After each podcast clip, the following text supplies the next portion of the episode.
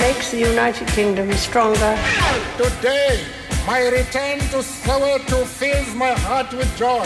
Ladies and gentlemen, welcome to London Heathrow's Terminal 5. John Carlin, bon dia i bona hora. Buen día, Roger Escapa, ¿qué tal? Tens les maletes a punt? No, todavía no, pero, pero mañana me pondré con, con maletas y cepillo de dientes y varias necesidades. Alguna cosa viaje. més, perquè aquest dilluns marxes a Ucraïna. Sí. Uh, John, què hi vas a fer exactament a Ucraïna? Perquè crec que te'n vas bastant pel teu compte, no? Sí, voy por mi, por mi propia cuenta, sí. Em, bueno, voy... em, primero, soy periodista, Roger, y esta es la historia más grande del mundo, la guerra más grande que ha habido en Europa desde la Segunda Guerra Mundial. Es un tema que, que me obsesiona, me fascina. Leo todo lo que puedo sobre el tema, hablo con gente que conoce Rusia, Ucrania, todo lo que puedo. Y he escrito em, mucho sobre el tema y tú y yo hemos hablado sobre esto. Y básicamente creo que lo, lo consecuente es ir ahí y, y ver cómo es y, y oír a la gente. Es una cuestión como de respeto por mí mismo. Eh, si voy a seguir hablando y escribiendo de esto. Em, y, y eso, quiero, quiero, quiero ver cómo es y después, cuando vuelva y cuando escriba y cuando volvamos a hablar tú y yo del tema, también lo haré con más credibilidad y autoridad. Y eso para mí es importante. I havies estat mai a Ucraïna, John? Sí, estuve hace como mm, siete años, fui a hacer un reportaje para el país, para la revista dominical del país sobre eh, Chernóbil, que era el- creo que el 30 aniversario de la explosión ahí. Así estuve como 10 días y, no, y me gustó mucho. Y estuve en un, en un pueblito em, que estaba al, al borde de la zona de exclusión, ¿sabes? Por el tema de la radiación en, en el- en el en el- la central nuclear de Chernóbil. Y voy a volver a ese pueblito. Tengo em, conocidos ahí, un amigo, hay un tipo con el que he quedado en contacto que ha estado luchando. Eh, este pueblito fue ocupado por los rusos durante un tiempo, después los, los echaron. Quiero ir ahí, aparte de, de Kiev, quiero ir a Odessa, voy a ir a Lviv, en el sur, y después, una vez que esté ahí, eh, improvisaré. Tengo varios contactos que me podrán ayudar a muchos niveles. Tengo un intérprete ahí que seguramente lo voy a necesitar. Y, y bueno, voy, voy, voy a ver. Pero ante todo, quiero, quiero palpar el lugar, quiero ver qué piensa la gente, cómo se vive esa guerra. Mm. Amb, amb Volodymyr Zelensky no hi tens contacte. Ho dic perquè uh, uh, es deixa entrevistar molt proc, però sí que li, li va fer un Letterman fa, fa uns mesos que està penjat a Netflix. El Letterman li va fer una entrevista precisament en una estació de metro uh, on de fons se sentien les sirenes. Ah. Sí, una cosa que me han dicho es que ya en, en Kiev, en la capital, eh, muchas veces las sirenas suenan, o sea, el aviso para ir a bajar al, al metro o algún lugar seguro, pero la gente ya eh, está muy acostumbrada y siguen tomando café como si nada. Esto, por ejemplo, es algo que me interesaría, me interesaría ver.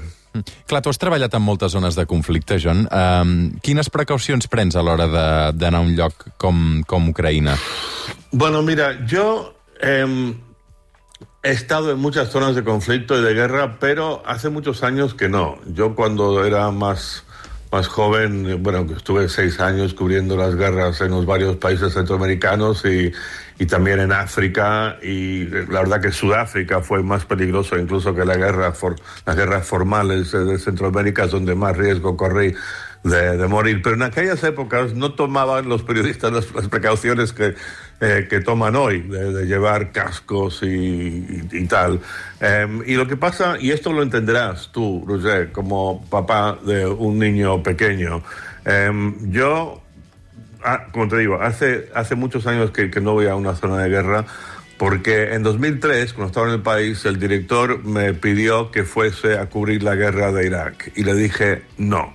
Por primera vez dije que no a, a- someterme a este peligro porque había nacido mi primer y único hijo eh, un par de años antes y pensé, mira, yo em, dejar huérfano de padre a este nen eh, recién nacido por un conflicto estúpido, no sé. Ahora, Ucrania no es un conflicto estúpido, es precisamente una, una guerra importante entre la democracia y la tiranía. Y ahí, como de cierto modo he cambiado de opinión, mi, mi hijo ya es mayor y estoy más dispuesto a exponerme a peligros que antes. En qualsevol cas, uh, vigila, uh, vigila i cuida't. Um, Si poguessis entrevistar Putin, ho faries, John?